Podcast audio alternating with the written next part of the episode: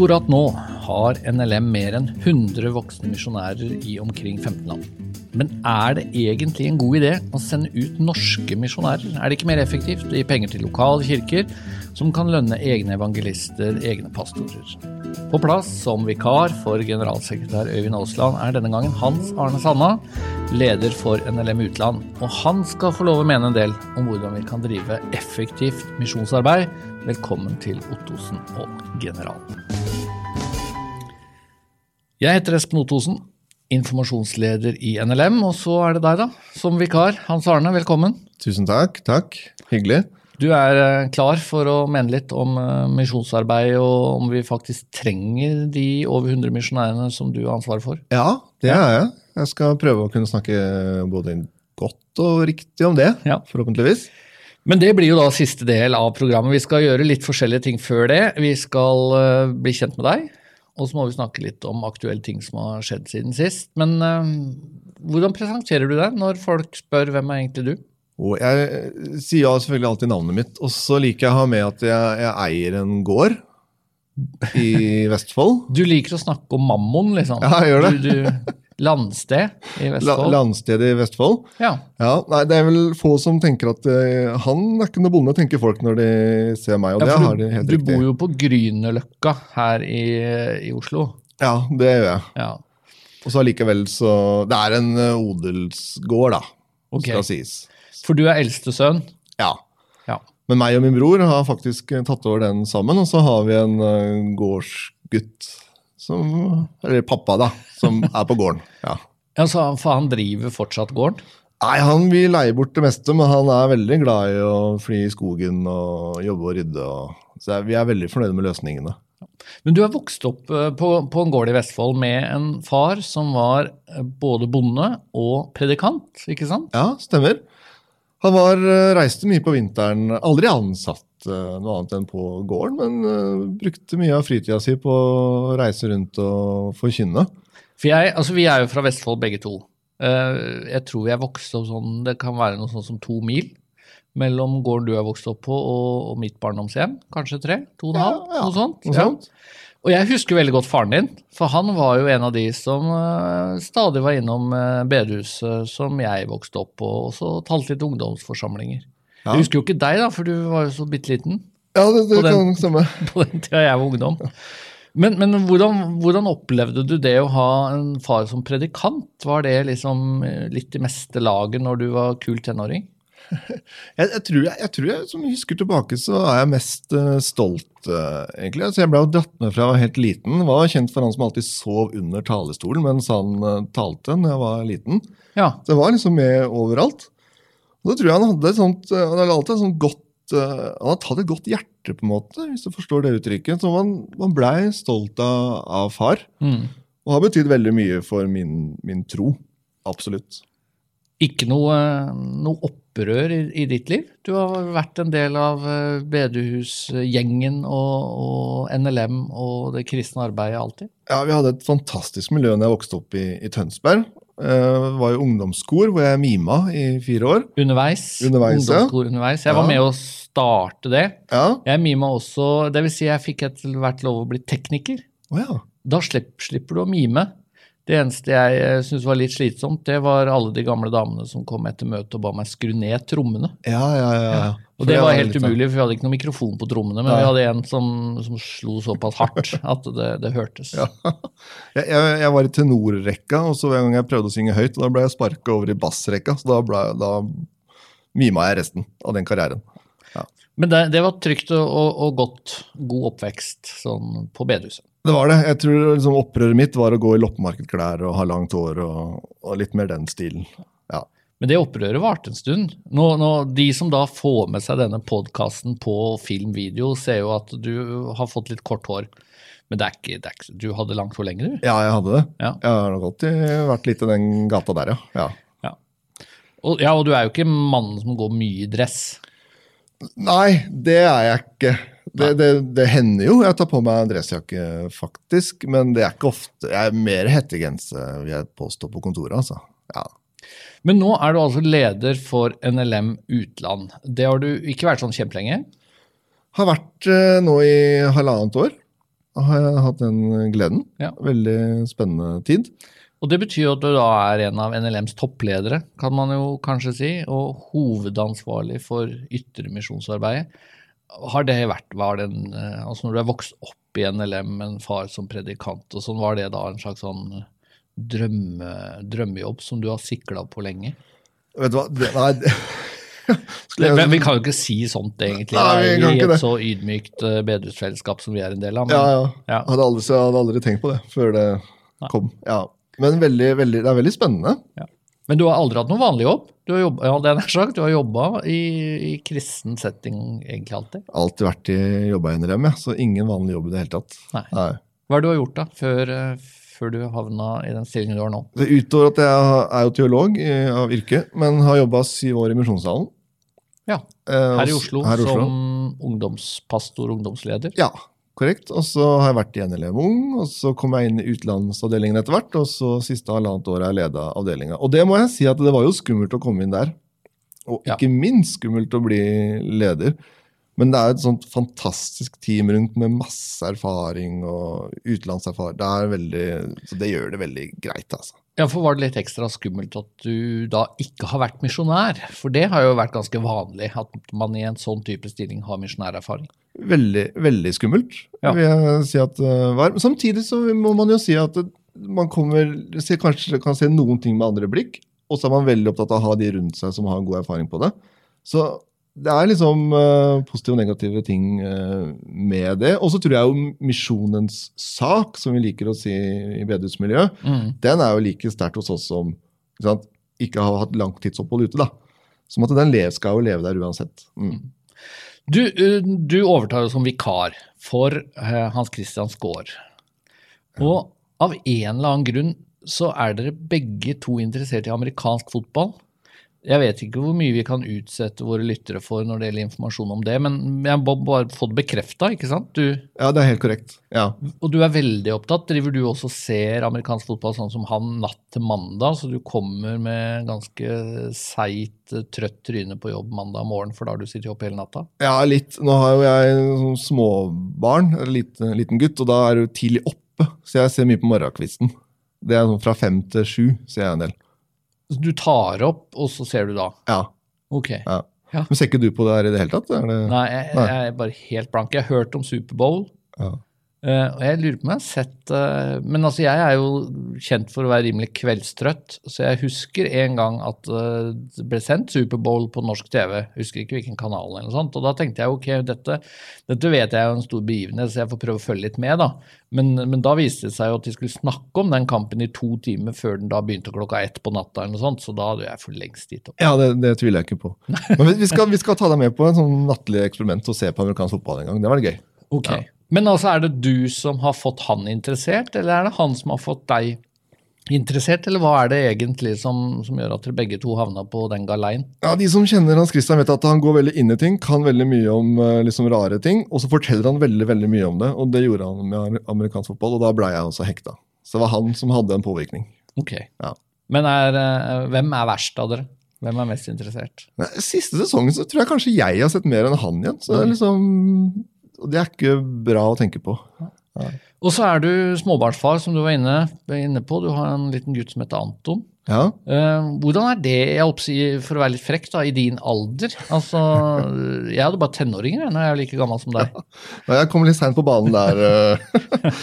Siden du snakka om min far, så slo jeg han. da, Det var hele tida målet mitt å få førstefødte før han fikk sin førstefødte. Ja, så du har, altså Det er en forholdsvis gammel bestefar som er gårdsgutt Det er det. hjemme i, Vestfold. Det er det, ja. ja. det, det er veldig stas. Akkurat nå så er han syk, da. Så nå har han hatt feber, så jeg var hjemme i går med, med han.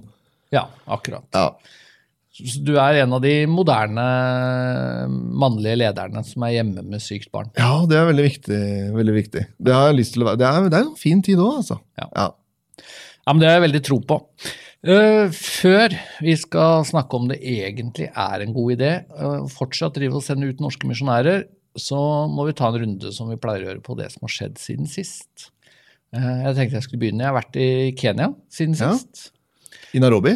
I Nairobi, Ja. på NLMs eh, fantastiske tomt i Nairobi. Det var eh, fjerde gangen eh, faktisk på rad at jeg tok tatt en sånn vinteruke der. Underviser på Teft familie. Heter det Teft lenger, eh, Espen? Det heter det ikke. Det Nei. heter Tid familie. Og er altså da NLMs familiebibelskole. Mm. Du har brent litt for, for den. Ja, jeg syns den, er- den har vært viktig for arbeidet vårt. Og den rekrutterer jo også misjonærer. Ja, det, skaper et det syns jeg var så gøy. Når jeg kom ut nå, så møtte jeg altså da to familier med en gang, som jeg da har hatt som elever på denne familiebibelskolen for ett og to år siden. Og som var så utrolig fornøyde med at nå fikk de lov å komme tilbake til Nairobi og jobbe der som utsendinger. Så, så det en, sånn sett så fungerer det jo strålende. Så dette er et sted hvor de får snust på misjonsarbeidet og blir gira på misjonsarbeidet og dra, reiser tilbake igjen. Ja, Veldig gøy. veldig gøy. Så jeg underviste i et fag som da heter eh, kristen hverdagsetikk. Jeg hadde en, en, eh, en uke med, med dem. Så de valgte etikk til deg? Ja, er, er det overraskende, egentlig? Nei, det er ikke det. Nei. Nei. Nei, men det var, det var veldig trivelig og inspirerende. Og så fikk jeg, det syns jo jeg er stas, da, at jeg fikk oppleve noe nytt. Jeg var på guttetur. altså Det er jo da sju familier som er på denne bibelskolen hver, hvert år. Og denne gangen så dro guttene. Mennene de dro da til et sted som jeg ikke skal si navnet på helt nøyaktig, men en landsby. Eh, Fem timer unna Nairobi, eh, hvor det stort sett bor muslimer, og hvor NLM har et eh, vannprosjekt. Du vet selvfølgelig hvor dette er. Har du vært her? Jeg har ikke vært der, faktisk. Men du har vært i Kenya? Ja, mange ganger, og vært de fleste andre misjonsstasjoner og steder vi har arbeidet. Men akkurat der har jeg ikke vært. Ja, det som jeg syns var litt sånn interessant, da, det var at overnattingen, det var da på et vanntårn. Å ja, dere så der, ja. Ja, det er altså et sånn sto, ganske stor misjonsstasjon, ville vi jo kalt det. Hvor Ja. det bor både noen eh, nasjonale ledere for dette vannprosjektet, og det bor noen misjonærer. Det er to misjonærhus. Og så er det altså et tårn. Uh, hvor man da har vann uh, som er høyt, og det er jo fordi at det skal være trykk. Uh, man skal skape trykk. Og på toppen der så har man altså bygd en sånn platting som jeg kan tenke meg sånn tre ganger tre meter, med gjerde rundt. og Det er fornuftig, for det er sånn tolv meter opp. Og der drev de og heiste opp soveposer og madrasser. Og så sov da alle der. Jeg meldte meg frivillig til å stå over. ja for jeg, jeg har høydeskrekk. Hadde jeg slitt i dag Ja. Jeg hadde det, ja. ja. Den stegen du tok og klatra oppover, det var, det var bare sånn eh, litt sånn lealaus eh, Sikkert sikkert og, og, og greit, altså. Men jeg var oppå, da. Ja, Jeg var ikke så feig at jeg Nei. ikke gjorde det. Men jeg tenkte jeg sover heller i et helt alminnelig hus i en deilig seng enn å, enn å ligge oppå der. Men det, de, de påsto at de sov mange ganger, Mm. de som sov oppå der. Og så ble de vekt klokka halv fire av ganske kraftige bønnerop eh, fra nede i landsbyen. da. Men jeg så jo at du var under et slangeattack. I, det er sånn? Ja, det, det, det, det gikk sånn passe bra.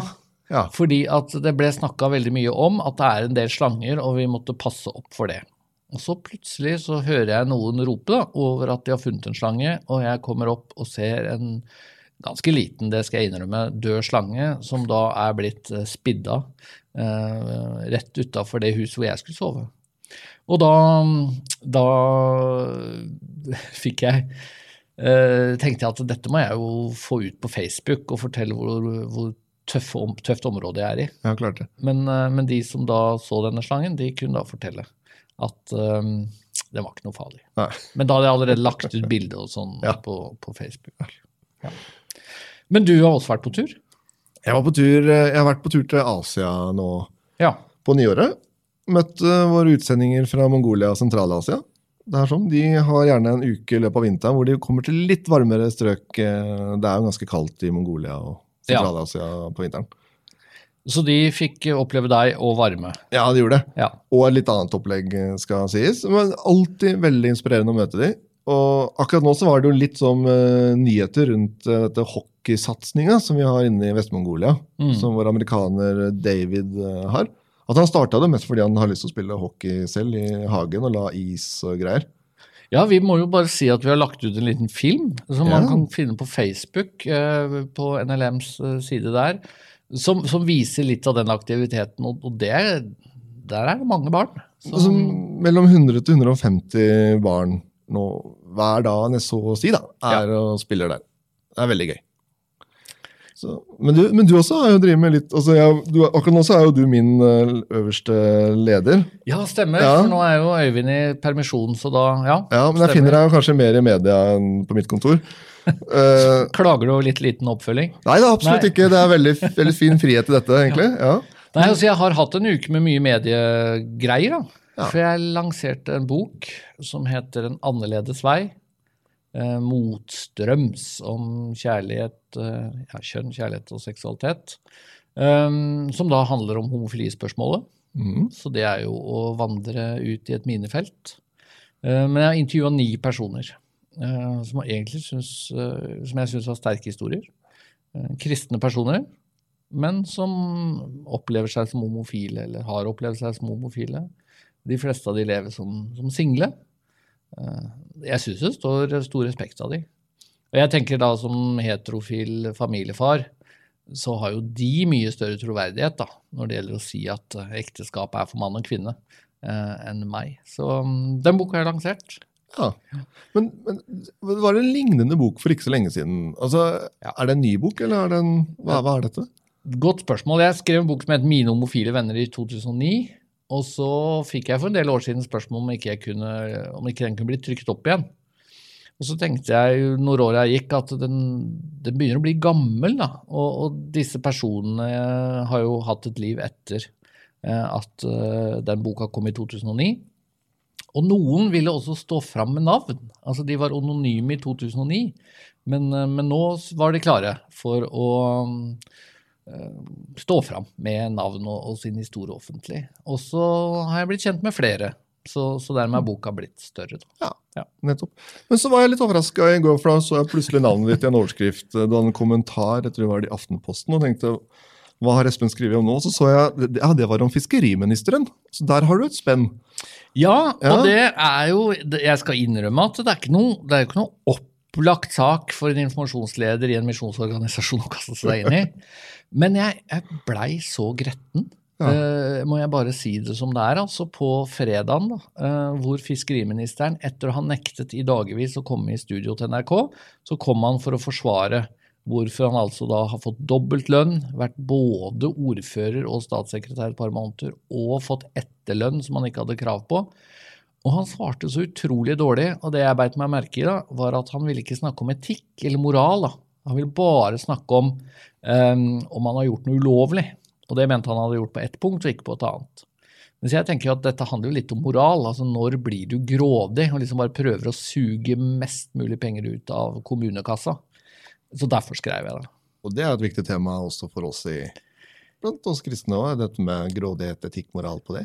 Ja, er det, er det ikke det? Og jeg tenker, tenker, jo at nettopp i vår organisasjon som, så er vi jo veldig opptatt av å bry oss om fattige, Eh, være opptatt av en utjevning også eh, ja, sånne ting. Så jeg tror det var innafor, men, men jeg, det er jo sjelden jeg mener så veldig mye om hvem som skal være statsråd. Da. Går det en grense der på sånne politiske ytringer for din del?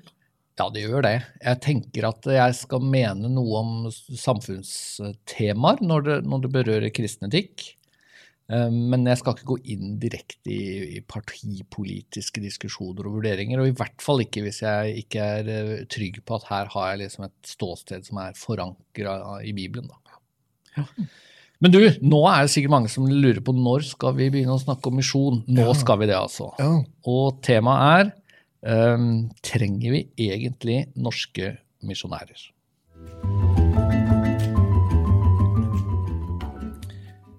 Jeg tenkte vi skulle bare starte med å finne ut uh, om dette temaet er noe vi liksom bare har funnet på at er kult og interessant, eller om det faktisk er noen som mener um, at det er gode grunner for å droppe norske misjonærer. Er er det noen der? Ja, det er helt klart en del som Møter, har, ja. møter, du folk som sier 'hvorfor i alle dager skal vi sende dyre misjonærer med norske lønninger' og sånn? Ja, det gjør jeg. Ja og møter både enkeltpersoner som stiller det spørsmålet, altså noen av rein nysgjerrighet, for det er et godt spørsmål, kan det jo være. Ja. Og så er det andre som legger opp mer eh, strategien sin etter at man ikke lenger vil sende altså langtidsmisjonærer. Ja, for jeg beit meg merke i, det begynner å bli en stund siden, men i høst så uttalte generalsekretær eh, da i NMS, Jeffrey Huseby, han sa jo veldig tydelig at eh, nå skal NMS egentlig ikke være så opptatt av å sende misjonærer. Vi skal, og nå har jeg et sitat her fra dagen, vi skal jobbe gjennom lokale kirker, for de når lenger enn oss. Og det er en bedre forvaltning av ressursene. Dessuten snakker de språket og kjenner kulturen. Og det høres jo veldig logisk ut, da, at uh, hvorfor skal vi sende misjonærer til Etiopia hvis man heller kan lønne for norsk lønn, da, uh, fem etiopiske gira uh, evangelister? Nå, nå, tror jeg, nå, nå, velger jo ulike organisasjoner sin egen strategi og har sikkert meget gode grunner for å velge det de, det de gjør. da. Du vil være litt sånn diplomatisk? Ja, ja. Vi skal ikke gå i strupen på andre organisasjoner? Nei. Nei. Nei men, men, så vil jeg jo likevel, det er jo kanskje gå i strupen i å påstå at det er meget gode grunner for at eh, vi skal sende langtidsmisjonær, og at Kirken skal gjøre det. Også fra det ståstedet vi sitter her oppe i nord. Ja så skal vi være med på den globale bevegelsen av å sende langtidsmisjonærer. Og, og, det er det mange gode grunner for. Og, og, men for å starte med det du spør om, altså, her er det ikke noe enten-eller, tenker jeg, og det er jo viktig å få fram. da. Ja, for det er jo ikke sånn at NLM har en slags strategi om at vi skal ikke betale en eneste lokal evangelist uh, penger. Det, det, skjer vel det? Ja, altså at, vi, bruker, at, vi, at vi engasjerer lokale Eh, kristne i vårt arbeid på den måten? Ja, Vi har f.eks. En, en kirkestøtte. altså Ta Peru om dagen. altså Da har vi en generell kirkestøtte. Og så, og så er det jo de som selv definerer hva de kronene skal gå til. Og da har de valgt å sende misjonærer ja. av den potten. Så absolutt til et naboland i Sør-Amerika. Ja, for det er jo litt sånn uh, fiffig, fiffig, eksempel. da, At uh, vi støtter altså kirken i Peru med en del penger. Og de har valgt at, å sende misjonærer fra Peru til et annet land, og bruker da litt av egentlig våre penger på det. Ja, og det er viktig at de selv gjør den, den defineringen av penger ja. for, for, å tenke bærekraftig og langsiktig. Det er noe Kirken ønsker, og det er jo det vi hele tida drømmer om å se. altså at alle kirker er med på dette. Ja, for noen vil sikkert tenke at er det effektivt? Kunne ikke uh, man bare sendt pengene rett til, til uh, ja, er det Colombia, tro? Ja, det er der. De, ja, stemmer. de sender disse misjonærene fra Peru. Uh, kunne man ikke bare sendt det rett til Colombia? Nå går jo liksom disse pengene egentlig en litt sånn lang vei. Men det er ikke sikkert det blir så veldig mye borte på veien, da. Nei, det tror jeg ikke. Og så er det jo hele den, altså den bibelske fundamentet med det å gå, da. Ja. ligger jo litt uh, bunns her. Altså, Vi er kalt som kirke til å gå, og vi er kalt til å, å sende. Ja. Uh, og det at en kirke er med å sende, tror jeg er helt sånn grunnleggende for å ha med seg en bibelsk misjonsforståelse, egentlig. At kirken gjør det. Men det er jo, det er jo en del som, som, vil tenke annerledes. Nå nevnte jeg NMS i stad, men den mest kjente er jo egentlig Arild Edvardsen. Eh, som sikkert i hvert fall en del har hørt om, som jo starta Troens bevis. Eh, det var vel på 70-tallet. Og, og der var jo selve filosofien at vi sender ikke norske misjonærer, vi støtter lokale evangelister. Men kan det funke? Ja, ja, det tror jeg jo absolutt det kan. Ja, Så poenget, med, poenget vårt er ikke å si at, at det er en helt håpløs uh, strategi. Nei. Nei. Jeg, jeg, tror jo mange som har litt mer den arbeidsformen, opplever virkelig at det skjer store ting, og, og vekkelsene kan komme da, mm, mm. der de arbeider. Mm. Men altså, Uh, norske misjonærer, man kan da innvende at de er uh, dyre, fordi uh, Norge er et høykostland, og det er dyrt å, å, utdanne de, og de må reise langt. I disse klimatider så vil jo det også være et aspekt for, for noen. Um, og, og, Norge er jo blant de aller dyreste landene, men, men denne tanken om at skal vi i det hele tatt sende vestlige misjonærer, er det noe som noe som også gjør seg gjeldende internasjonalt. Er det amerikanere, er det engelskmenn, vet du noe om det? Som, som også tenker at nei, nå skal vi bare støtte lokal, lokale kristne lokale evangelister. Ja, du finner eh, absolutt de som tenker mer i de baner, og så kanskje mer ha korttidsutsendinger. Uh, og så er det mindre av de langtidsutsendingene. Ja. Men samtidig så opplever jeg at de ser de større internasjonale organisasjonene er virkelig på det med å sende misjonærer. og noe av det som har fascinert meg mest, er å møte disse forfulgte små kirkene, f.eks. i Sentral-Asia. Altså de, de kan, kanskje de er en 50-60 i menigheten, men de skal sende. Liksom. Ja. Har en sånn enorm iver etter å allikevel sende liksom, misjonærer til nabolandene. Og det, det, tror jeg handler noe om kirkens natur. da. Hva ja, vi du, er som kirke. du tolker det rett og slett som at, at blir du ordentlig grepet av evangeliet og formet av, av Bibelen, så, så ligger det litt sånn i sakens natur at da, da vil man lenger ut. Ja, og så kan man velge ulike strategier, som du var innom, men jeg tror det ligger i sakens natur at man vil det. Men hva er hovedgrunnen, tenker du, til som, altså, som svar på dette Er det effektivt? Eh, for, for, for vi kommer jo ikke unna at det i hvert fall på papiret ser dyrt ut. Nei, la, la meg ta det med penger med en gang, for det er ganske interessant før vi Ja, går videre. Altså, okay. For jeg tror alltid det har, De argumentene kan man vel alltid kunne ha brukt, f.eks. i NLM-sammenheng. Vi kunne ha brukt det på 70-tallet òg. Altså, det er jo veldig dyrt. Ja. Da også var det jo veldig dyre flybilletter, f.eks. Det var Så- i- i relativt sett mye dyrere. Ja. Så du kan, de argumentet kan du alltid dra fram, det med økonomiske.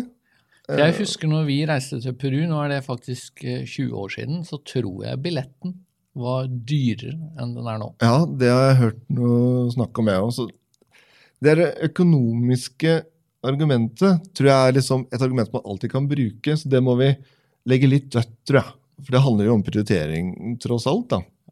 Men kulturargumentet, det også tror jeg jo en del bruker at eh, altså det er så enorm avstand mellom en norsk eh, utsending med norsk kultur, og kanskje man også sier at vil si med en viss grunn at nord nordmenn er liksom veldig vant til det, det gode liv, da. Og så skal man plutselig bo i en helt annen kultur, i et mye mer fattig område. Klarer man liksom å være en, en god misjonær når man kommer fra, fra Norge med norsk bagasje? Vi har absolutt noen begrensninger tror jeg, når vi kommer til ny kultur. altså Bare språket sitter ikke med en gang, og det er en rekke slike ting. Ja. Samtidig så er det jo en global verden hvor vi møter hverandre på tvers av kulturer. Og det å komme utenfra med en, en stemme inn kan jo også føre til en veldig positiv inngang. Og det å være en støtte for kanskje de få kristne som er der fra før. At det er rett og slett en, at det kan være en fordel også, da. Å, Ja. å, være den eh, jeg håper å si hvite. Ja, Ja. det, det tror jeg det kan være. Tror ikke du, du har jo bodd i Peru, du har jo litt erfaring med det. Jo, jeg tror det. Eh, og så tror jeg jo også det at eh, vi har jo noen åpenbare fordeler, nordmenn. da. Altså, Vi tror jo i NLM at vi er ganske gode på å utruste og lære opp og sørge for at de vi sender ut, har skikkelig peiling, rett og slett, på teologi og på, på andre spørsmål. Eh, og det er jo kjempeviktig når man kommer f.eks. til en kirke hvor, eh, som har eksistert i tolv år, eller et eller annet sånt. Eh, da har de ikke mange ledere. Da har de ikke mange som virkelig kan ta ansvar. Og det å lene seg på noen eh, som da har eh, skikkelig bakgrunn, skikkelig utdannelse og har studert eh, ting som, som gjør at de kan virke, virkelig være gode støttespillere og veiledere, det, det tror jeg er et kjempepoeng. Og at mange av disse litt mindre kirkene, også forfulgte, sier men vær med å be. Ja. Få med deg liksom gjengen i Norge på å be. Og så har man det møtet ansikt til ansikt med de og formidler det videre. Det er kjempeviktig. Men jeg tror også en ting til, og det er litt, litt lett å overse uh, i denne debatten. Og det er det at hvis man skal gå til de aller minst nådde, hvis man skal gå til uh, en språkgruppe eller en folkegruppe som nesten ikke er nådd med evangeliet, da må jo noen lære et nytt språk. Du kan jo ikke uh, Altså, jeg vet jo om folkegrupper hvor det er liksom 50 kristne. Og da er det jo ikke bare å ansette alle de 50 som, som evangelister. Eh, og dessuten er det jo ikke mulig. De, Pga. sensitivitet så, så, så må de ha vanlige jobber. Eh, ellers så kan de rett og slett ikke leve trygt. Så, så dette med å krysse grenser må man jo uansett. Og det er ikke sikkert det er så veldig mye vanskeligere. At en nordmann da uh, drar til et eller annet uh, borti et folkeslag, om det så er i Sentral-Asia eller uh, Etiopia, enn at man gjør det fra nabolandet. Ja, Det tror jeg du har helt riktig. Og det, Nå er vi jo farlig enige her, da, men det er ikke så rart siden vi er i samme organisasjon. Men, men altså, det handler litt om hva som er visjonen til NLM her. da. Det må vi jo snakke litt om. De minst nådde. De minst nådde. Og når vi vet at det er en si to milliarder som tilhører folkegrupper som ikke har en, som er minst nådde, da. Ja. Ikke har en, en, levende kirke, kan vi si, altså som er stor nok til å kunne stå på egne bein. Og det tallet fortjener litt refleksjon. Altså. Ja, det gjør det. milliarder mennesker. Det er, det er ganske mange. Det er, det er, litt å velge mellom, da, hvis du ønsker å bidra til at de får evangeliet. Ja, og vi vil jo være med at de skal få evangeliet, og da kan vi ikke bare Altså, Det står ikke så mange i kø til å dra inn i disse områdene av verden at vi bare kan sende penger og, og tenke at da har vi gjort vårt. Mm. Da må vi være med og, og, faktisk gå inn, og det er jo argument nok alene for meg, at vi må fortsette å sende misjonærer. Ja, og der, der, tenker jeg også at, at, når du og jeg eh, reiser litt rundt i, i, Norge og taler om misjon, så er det et eller annet veldig rart hvis vi ikke kan tale til f.eks. ungdom om at uh, Jesus sier 'gå derfor ut'. Hvis vi da skulle føyd til men det gjelder ikke dere, altså, for dere er litt for dyre og dere er litt for godt vant. Og, og, og, vi kan på en måte ikke se for oss at dere kan ha et kall til misjon. Vi, vi, kan jo rett og slett ikke oppføre oss på den måten, tenker jeg. Gud kan jo kalle noen. Uh, og, og, det er jo der, ja, Nå drar jeg kanskje litt for mye på det, men det er jo nesten rasisme å si at nei, du er for hvit. Du, du kan ikke dra ut som misjonær. Det, det, er jo en global kirke som skal nå en, en verden. Ja. Og da vil jo misjonen gå fra, fra, alle. Altså alle kirker som har en mulighet til å sende. Være med på det. Og det gjelder jo også oss. Ja. Men jeg har hørt noe interessant, og det er at noen ganger så vil også norske misjonærer ha Altså de vil oppleves mer nøytrale. Altså for at Hvis du sender en, en utsending da fra et nabofolk, som la oss si har da masse kristne, og så går de da til nabofolket hvor det er veldig få, uh, få, kristne, så kan jo det se på papiret veldig lurt ut, for da, da, sender du folk kort vei. Og de kan kanskje en del av kulturen, kanskje til og med språket. Men, men, så er det noe med at det kan være stammemotsetninger eller andre ting som gjør at det faktisk er en fordel å være norsk og nøytral. Ja, det tror jeg kan vi se flere tilfeller på rundt omkring der vi jobber. At det kan være en fordel. Og noen ganger kan det være som en døråpner. Mm. Eller å gå sammen med de som da bor i nærheten. da. Ja. Det, sånn, det å være, gå sammen, det tror jeg blir mer og mer vanlig i misjonen i framtida nå. vi, vi, går jo sammen. Internasjonale team osv. Så videre, så og da blir det jo viktig da, å si at dette handler jo ikke om at det er da eh, godt utdanna, eh, flinke nordmenn som kommer for å lære eh, andre mennesker hvordan de skal Eh, være kristne. Det handler om at vi, vi tar sammen til et ansvar. Ja, absolutt. Og Jeg husker sjøl, jeg var jo, som, som, jeg har sagt mange ganger, misjonær i Peru. Jeg var ung, jeg var 28 eh, år eller noe sånt, når jeg begynte å jobbe der i en menighet. Og da var det en pastor der som het Osvaldo, som hadde vært pastor i mange år. Han var sånn 15 år eldre enn meg, tenker jeg. Og jeg er jo sikker på at jeg lærte minst like mye av han som han lærte av meg. Eh, så jeg, jeg, jeg, tror vi i NLM har vært sånn forholdsvis flinke til å tenke at det, det, dette handler jo ikke om at det er vi som skal uh, vite best uh, alt, men, men, uh, men, vi kan fortsatt spille en rolle. da. Vi kan fortsatt bidra. Det er viktig at vi drar. Og så har jeg lært noe spennende siste, eller erfart, og det er at det kommer Jeg tror det er riktig å si at det nå er flere misjonærer som kommer til Norge, enn det vi sender ut av Norge. Det er noe i det der i hvert fall, som jeg har hørt noen rykter om. Så da er det hundrevis av misjonærer faktisk i Norge? Ja. ja. Kanskje litt hvordan man definerer ting osv. Men jeg har møtt noen Kanskje vi bør, eh, bør ha besøk av en sånn i en podkast? Det, det tror jeg kunne vært spennende. Kunne vært interessant. Ja. Men fortsett. Ja, for jeg har møtt noen av disse. Og da har jeg også erfart at de kommer fra en annen kultur. altså Det kan være Spania eller USA eller andre steder og får en veldig sånn positiv påvirkning på oss. da, Kan mm. skape mm. et engasjement hos oss i NLM, f.eks. Ja. Innenfor barne- og ungdomsarbeid, ikke minst har erfart det. Og det, det er jo liksom vise noe av den dynamikken du kan få når vi sender fra ulike steder til ulike steder. Og det, det er spennende. Mm. Og, og, det eksempelet du nevnte i stad fra Mongolia, der har vi jo faktisk da en amerikansk misjonær utsendt av NLM som, som da har invitert til eh, masse unger eh, og ungdommer til hockeytrening. Eh, jeg vil jo tenke at et sånt eksempel viser jo kanskje at, eh, at, nettopp det å komme fra en litt annen kultur, han kommer med litt sånn amerikansk hockeybakgrunn, det åpner noen dører da, som, som kanskje ikke ville vært så lett for en eh, vanlig mongolsk pastor. Ja, helt, jeg tror det er helt riktig. Og så, er det jo den spennende hvordan han da følger det opp med å invitere den lille lokale kirken i denne byen inn i dette arbeidet. Mm. Som at det blir linka til den lokale kirken. Så da får du litt sånn døråpnereffekten, da, ja. som vi om. Men du, det var én ting du har nevnt uh, for lenge siden den er sagt i denne samtalen, som jeg ikke har fulgt opp, og det var mm. dette med langtidsmisjonærer. Uh, for, for, du brukte det som stikkord. altså Vi vil sende langtidsmisjonærer. Um, og, og, noen vil jo tenke at uh, trenden er at det blir mye mer korttidsmisjonærer, og at kanskje det er det også som er dyrt. da. Altså lære folk språk, uh, sette dem på et fly, la dem prøve å komme inn i kulturen og den slags, for to år, liksom.